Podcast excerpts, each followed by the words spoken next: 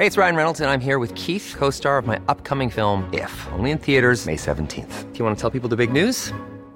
All right, I'll do it. Sign up now and you'll get unlimited for $15 a month in six months of Paramount Plus Essential Plan on us. Mintmobile.com slash switch.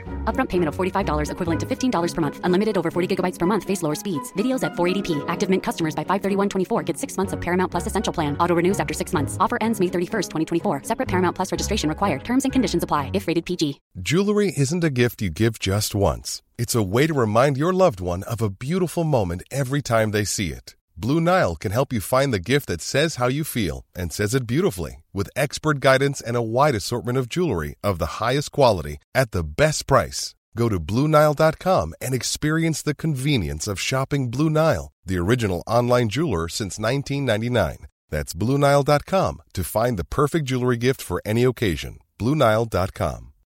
Millions of people have lost weight with personalized plans from Noom, like Evan, who can't stand salads and still lost 50 pounds. Salads, generally, for most people, are the easy button, right? For me, that wasn't an option. I never really was a salad guy. That's just not who I am. But Noom worked for me. Get your personalized plan today at Noom.com. Real Noom user compensated to provide their story. In four weeks, the typical Noom user can expect to lose one to two pounds per week. Individual results may vary. Du presenteras nu för obekräftad information. I avsnittet får du höra om konspirationsteorier och varför vissa människor tror på dessa. Var därför kritisk till materialet som bygger på fiktion, åsikter och vinklad fakta. Podcasten kan inte ses som en trovärdig källa. But that HIV could have been created in laboratory experiments. There are two answers to that that are definitive, conclusive, that no scientist could have deliberately created them unless he was a super genius and 10 years ahead of his time.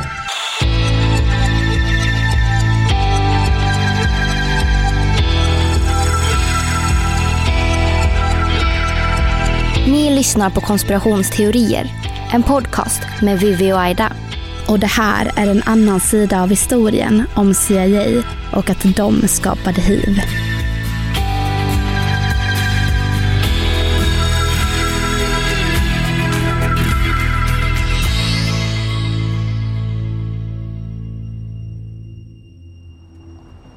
Under 1980-talet började en epidemi sprida sig. Många förstod inte vad det rörde sig om. Stora delar av befolkningen i USA började insjukna. Men samtidigt var det inte vem som helst som blev sjuk.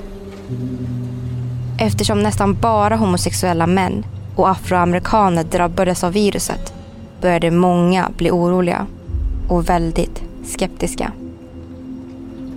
Frågor om onda baktankar, möjliga sätt som viruset kunde ha skapats och otroligt tydliga grupper av individer som drabbas har lett till studier kring konspirationsteorin genom åren. Hade hiv skapats av människan? I en studie som gjordes av Rand Corp och Oregon State University år 2005 så trodde omkring hälften av alla tillfrågade att hiv, viruset som ligger bakom aids, skapades av människan. 25 procent av alla tillfrågade trodde att aids gjordes i ett laboratorium och 15 procent trodde att viruset skapades av regeringen för att kontrollera den afrikanska befolkningen. Och sist så trodde 12 procent av tillfrågade att hiv skapades och spreds av CIA. Men, finns någon sanning i det? Är det CIA som ligger bakom hiv och aids för att utrota delar av befolkningen? Eftersom både homosexuella män och afroamerikaner har lidit av enorm orättvisa under åren verkar det här inte speciellt konstigt. I alla fall inte enligt konspirationsteoretiker. Det verkar snarare väldigt logiskt att Pentagon försöker skapa ett biovapen. Och det ska vi prata om idag när vi ska diskutera en konspirationsteori om CIA och om de skapade hiv och aids för att utrota delar av befolkningen. Kanske under namnet Operation Infection. Det här är en podcast för dig som är intresserad av en annan version av verkligheten. En version som tar upp alternativa teorier, mystiska sammanträffanden och diskussioner om vad som kan vara sant.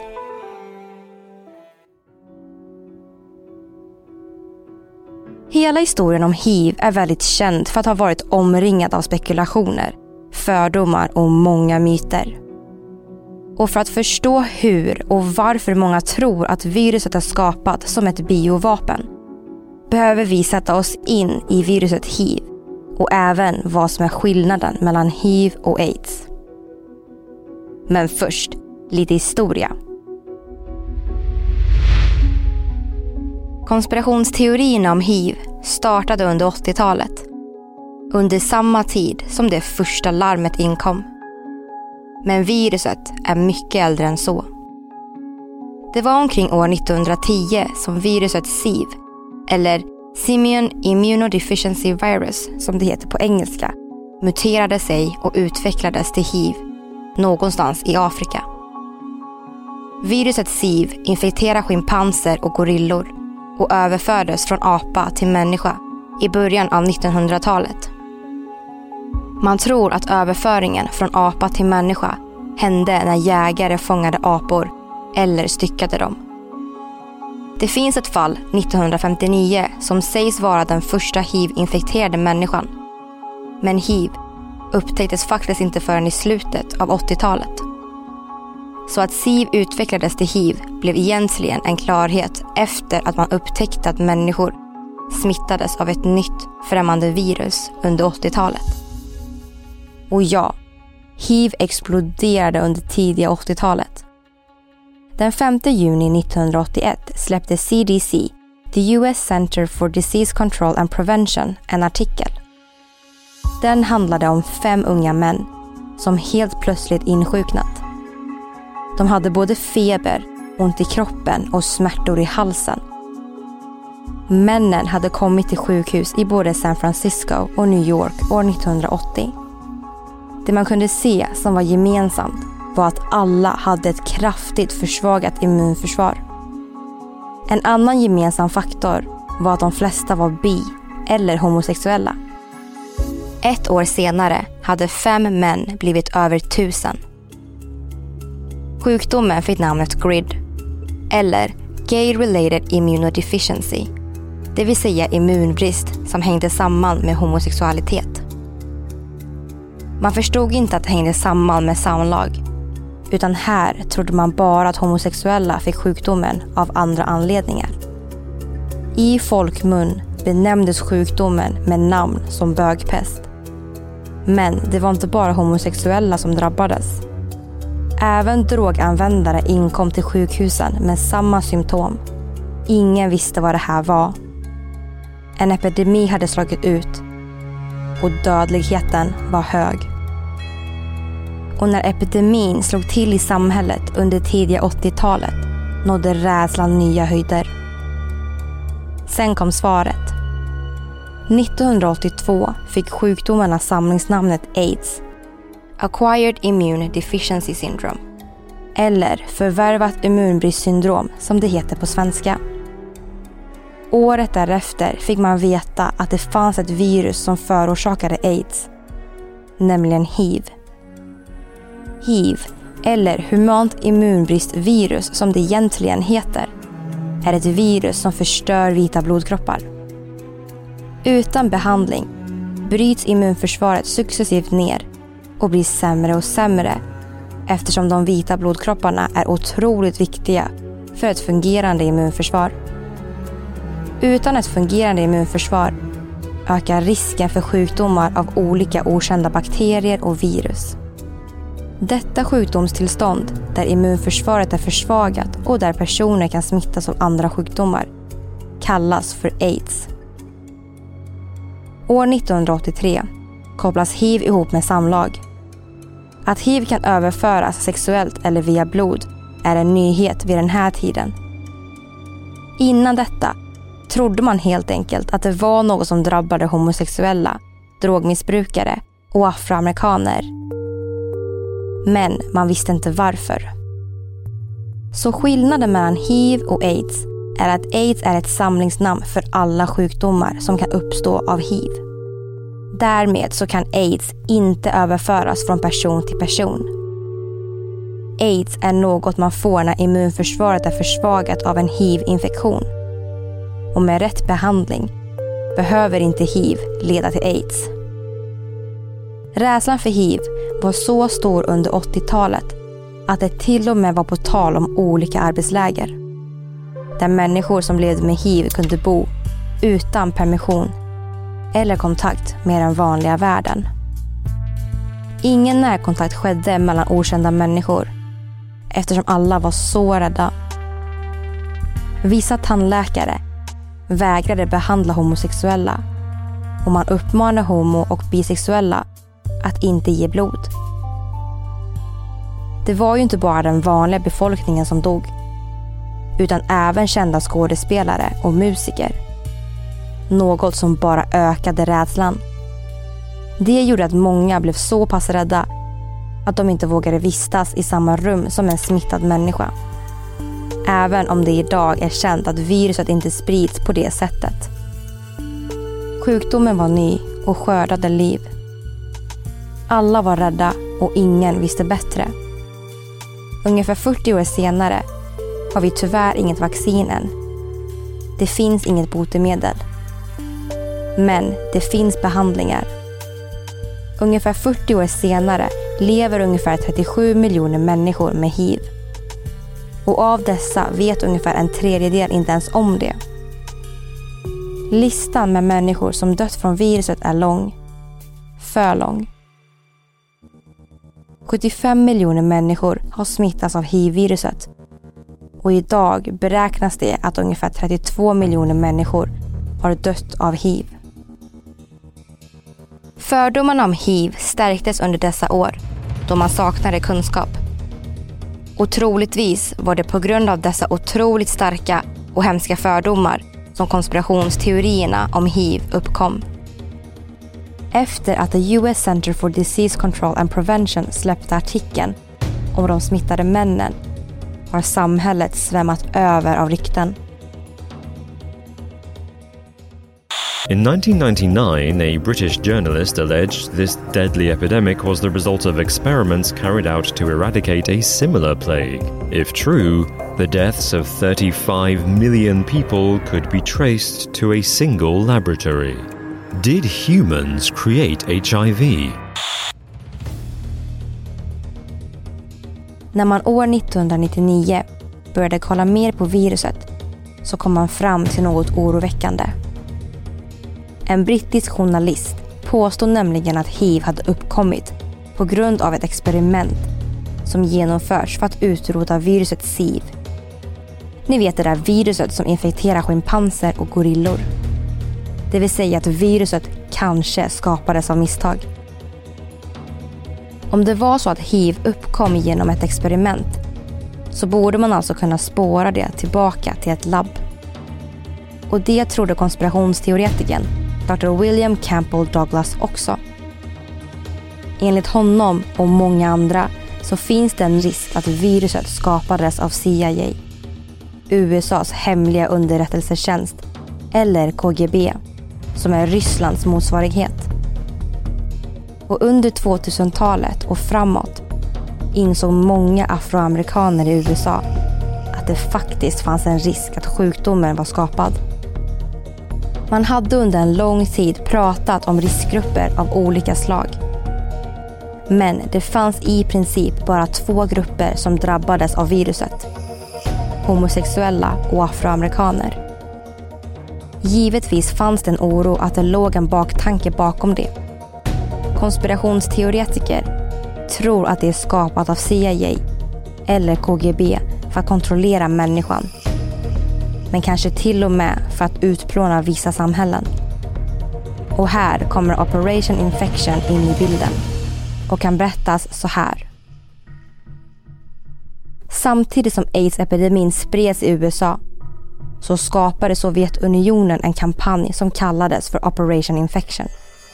Vilket enkelt sagt var ett sätt för dem att sprida falska rykten och lögner kring det dödliga viruset. De ville få det att låta som att viruset skapades som ett biovapen av USA. Och det kan vara härifrån större delen av konspirationsteorierna kring hiv och aids uppkom. Men vi kan också vända på det. Kanske var Operation Infection en idé som de amerikanska makthavarna kom på för att skydda sig själva. Givetvis var det bättre för USA och för CIA om allt framställdes som en korrupt kampanj om fake news och ryktesspridning från deras största motståndare, Sovjet. Om vi leker med tanken och säger att det faktiskt var CIA som hade skapat hiv så kanske de valde att skapa Operation Infection för att allmänheten var de på spåren. Många trodde faktiskt redan på 80-talet att det kanske var CIA som låg bakom hiv. Så Operation Infection kan ha varit CIAs genomtänkta plan för att få USAs befolkning att öka förtroende mot dem igen.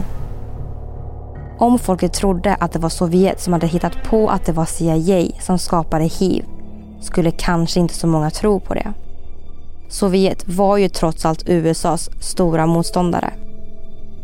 Däremot är det här ganska långsökt och troligtvis var Operation Infection enbart ett försök från Sovjet att förstöra för USA.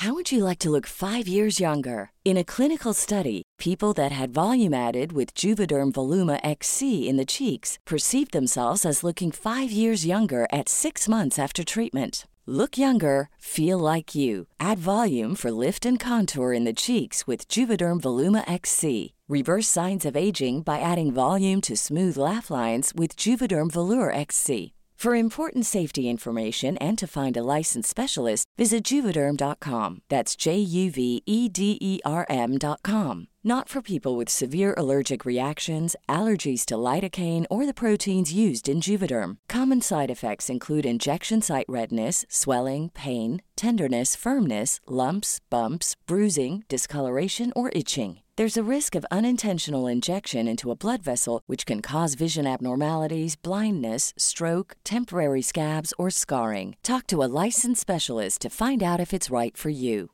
Hey, it's Ryan Reynolds, and I'm here with Keith, co star of my upcoming film, If, only in theaters, May 17th. Do you want to tell people the big news? All right, I'll do. it. Sign up now and you'll get unlimited for $15 a month and six months of Paramount Plus Essential Plan on us. Mintmobile.com slash switch. Upfront payment of $45 equivalent to $15 per month. Unlimited over 40 gigabytes per month. Face lower speeds. Videos at 480p. Active Mint customers by 531.24 get six months of Paramount Plus Essential Plan. Auto renews after six months. Offer ends May 31st, 2024. Separate Paramount Plus registration required. Terms and conditions apply if rated PG. I'm Sandra, and I'm just the professional your small business was looking for. But you didn't hire me because you didn't use LinkedIn jobs. LinkedIn has professionals you can't find anywhere else, including those who aren't actively looking for a new job but might be open to the perfect role, like me.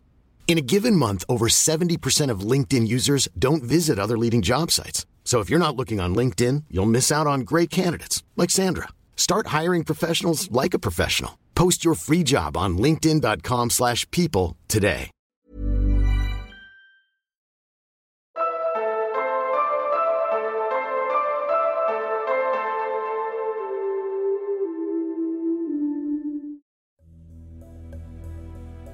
I USA har man länge påstått att hiv ursprungligen härstammar från Afrika. Och det är här det blir intressant. Sydafrikas före detta president Thabo Mbeki eldade på konspirationsteorierna kring hiv och aids rejält under början av 2000-talet. Där han var tydlig med att han inte trodde att det kom från Afrika. Det kom från ett amerikanskt labb. Även om Thabo Mbeki kanske förnekade sjukdomen ett tag så gick han till slut ut med att han trodde att aids orsakas av fattigdom, dålig näring och allmänt dålig hälsa. Inte på grund av andra anledningar, som att det var ett virus. Tyvärr gjorde det här att bromsmediciner inte delades ut under den här tiden.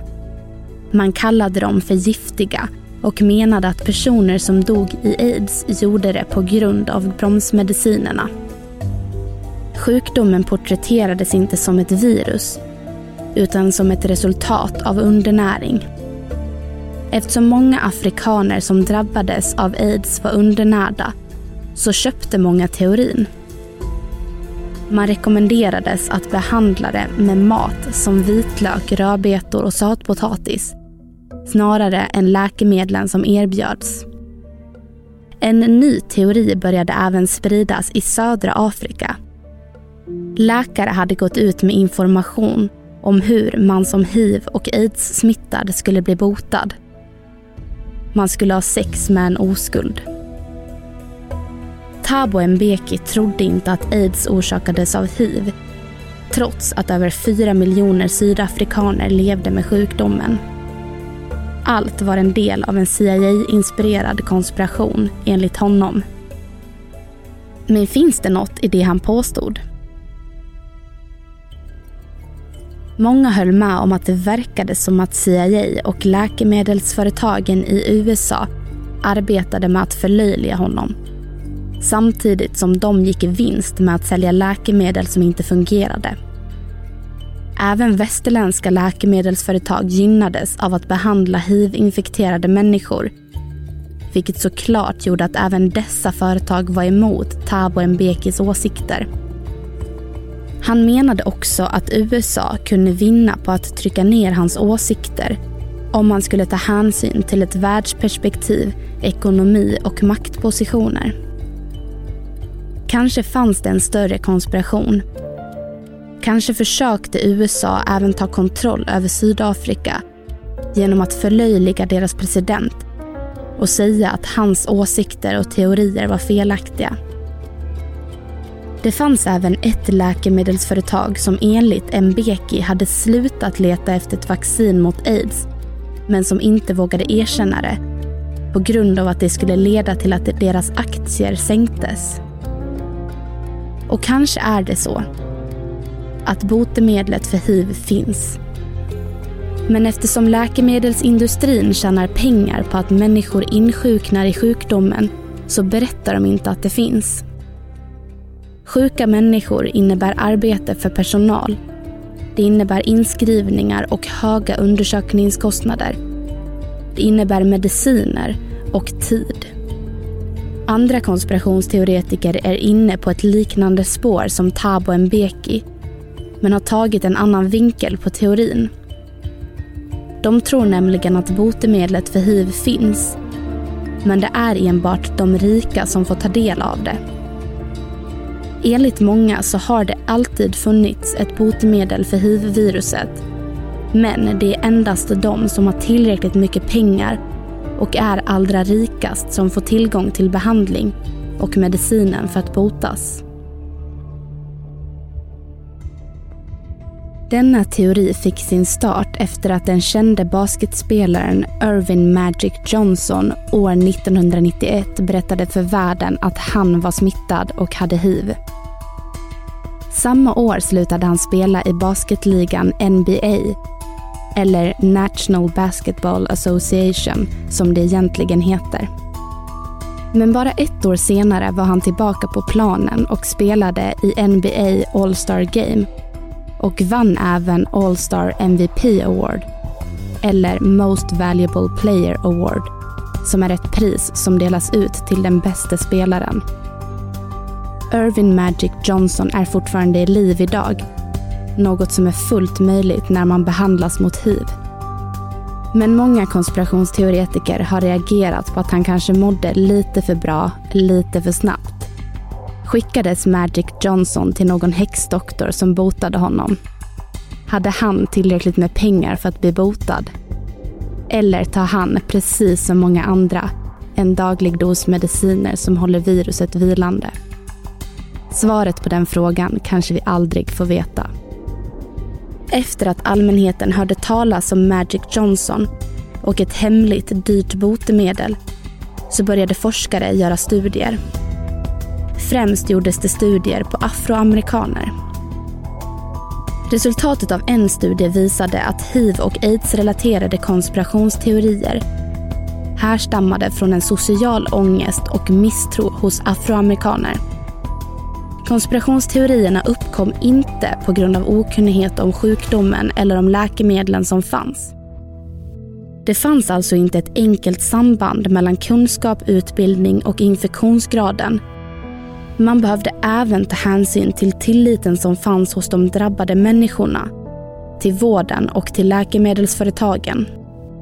De afroamerikaner som inte litade på informationen som gavs om hiv, aids och medicinen var även mindre benägna att använda kondomer, testa sig för hiv och genomgå hiv-behandling.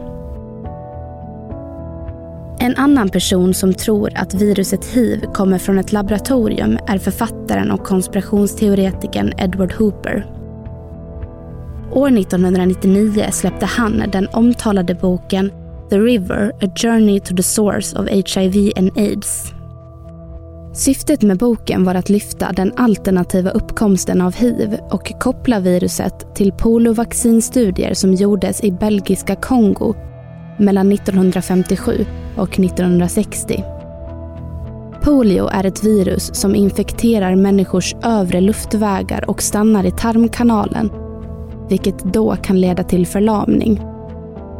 Det är vanligt att barn smittas av viruset, som är otroligt smittsamt bland annat vid nära kontakt mellan människor.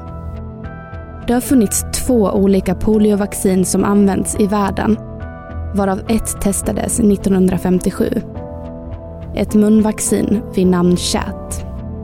Som togs fram av Albert Sabin, Hillary Koprowski och H.R. Cox. I den här konspirationsteorin så menar Edward Hooper i boken att vaccinet mot polio odlades i njurceller från apor. Att aporna var smittade med SIV och att människor oavsiktligt smittades av SIV genom vaccinet mot polio, som sedan utvecklades till hiv. Han och många andra tror alltså att när man fick poliovaccinet så fanns det koncentrerat SIV-virus i. Den officiella förklaringen säger att SIV utvecklades till hiv och det tror konspirationsteoretikern Hooper också Däremot har teorin blivit oerhört kritiserad och många vittnen har meddelat att de inte har sett några bevis för att njurceller från schimpanser användes för att tillverka vaccinet mot polio. Därmed skulle dessa då inte kunna vara infekterade. Hooper traces HIV back to the polio epidemics that swept across the USA after World War II. Himself a victim of the disease, President Franklin D. Roosevelt unified the fight against polio.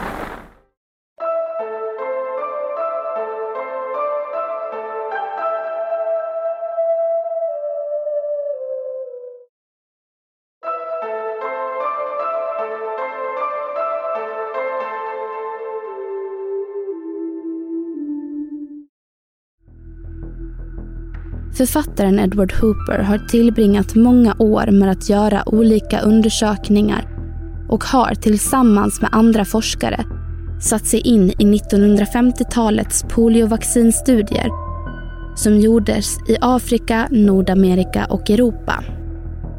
Tillsammans med 600 forskare och kliniker så har han även tittat på hur vården såg ut och de första aids-patienterna som blev kända.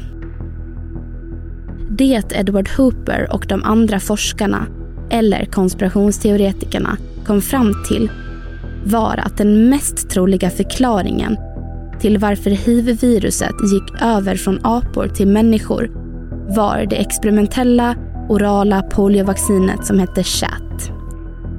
De trodde alltså inte att det var när människan jagade och styckade apor på 1900-talet som människan smittades av SIV som muterade sig till hiv, som är den officiella förklaringen enligt hiv-Sverige.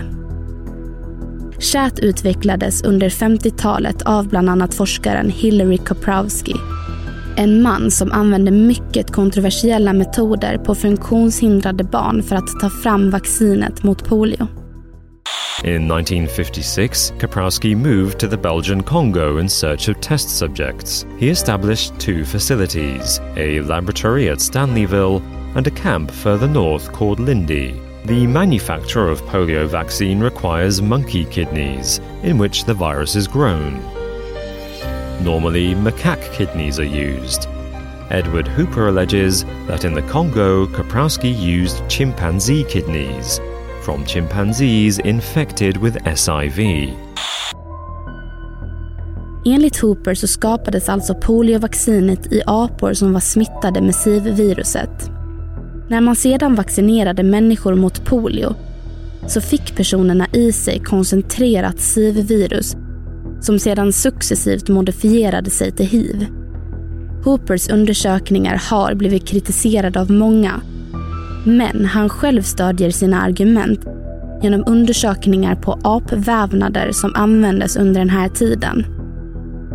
Han har även tittat på samband mellan städer där poliovaccinationen genomfördes och uppkomsten av aids i samma städer. The first known case of HIV is a blood sample taken from a man in 1959 living in Kinshasa, the former capital of the Belgian Congo. To Edward Hooper, it is no coincidence that the areas in which Kaprowski tested his polio vaccine correlate with areas where HIV first developed. Det finns ett annat liknande spår som bygger på den här teorin med att poliovaccinet chat var SIV-smittat från början.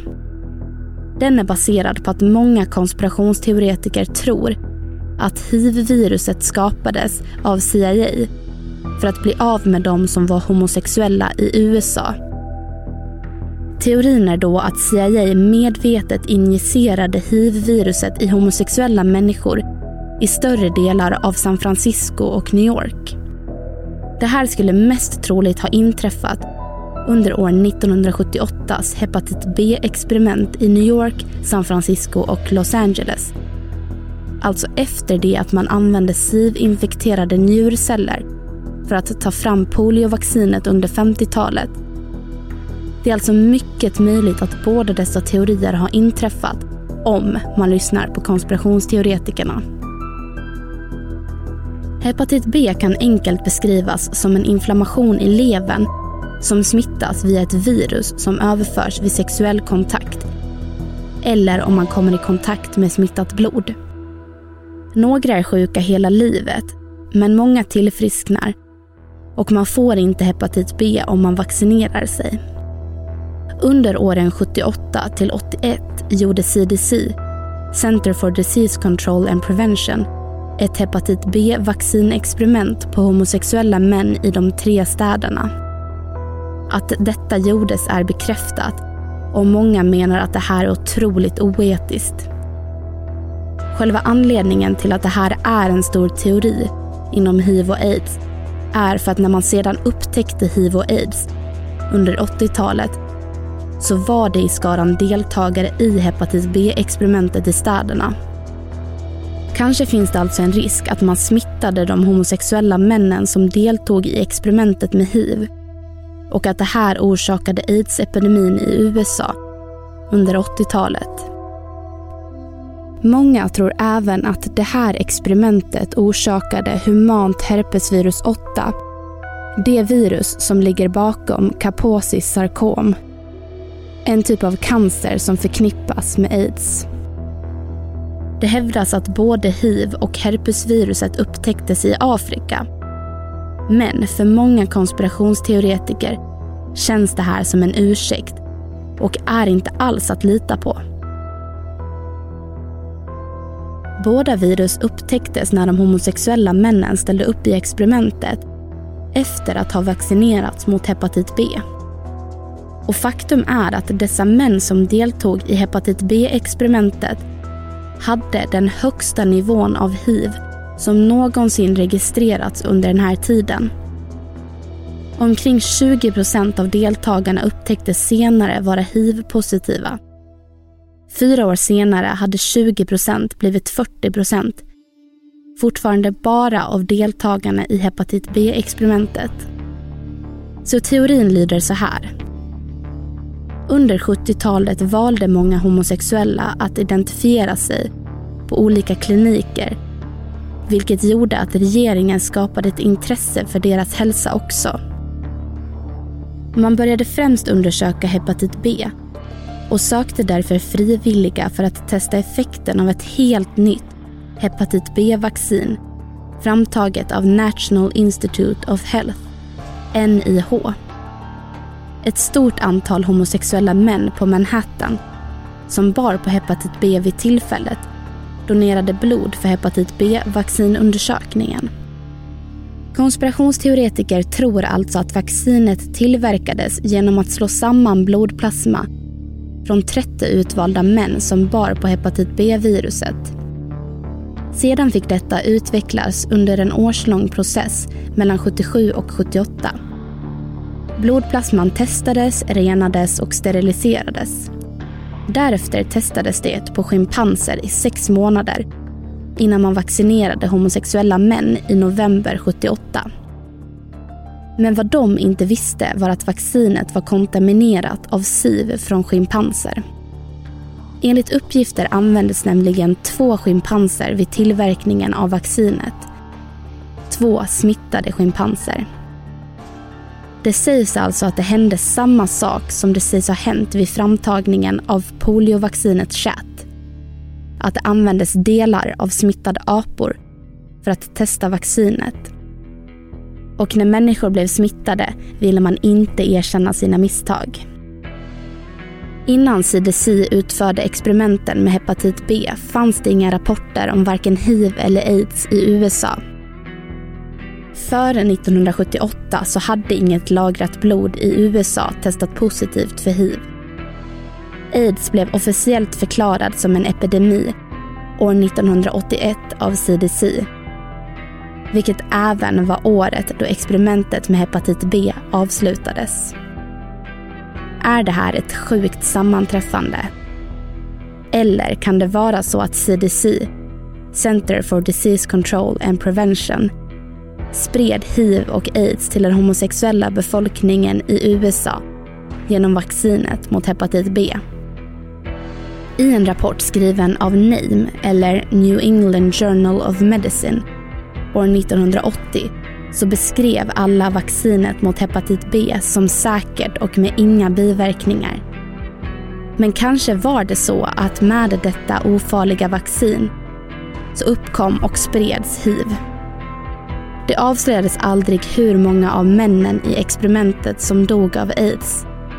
Och fortfarande nekas man den här informationen i USA.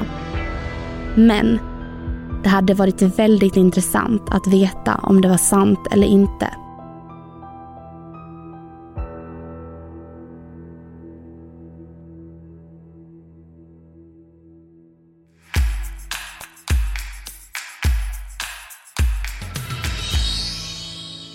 Ni har idag lyssnat på konspirationsteorin om CIA skapade hiv. Och skriv gärna vad ni tyckte om det här avsnittet där ni lyssnar på oss. Och vi hörs i eftersnackgruppen konspirationsteorier eftersnack. Hej då!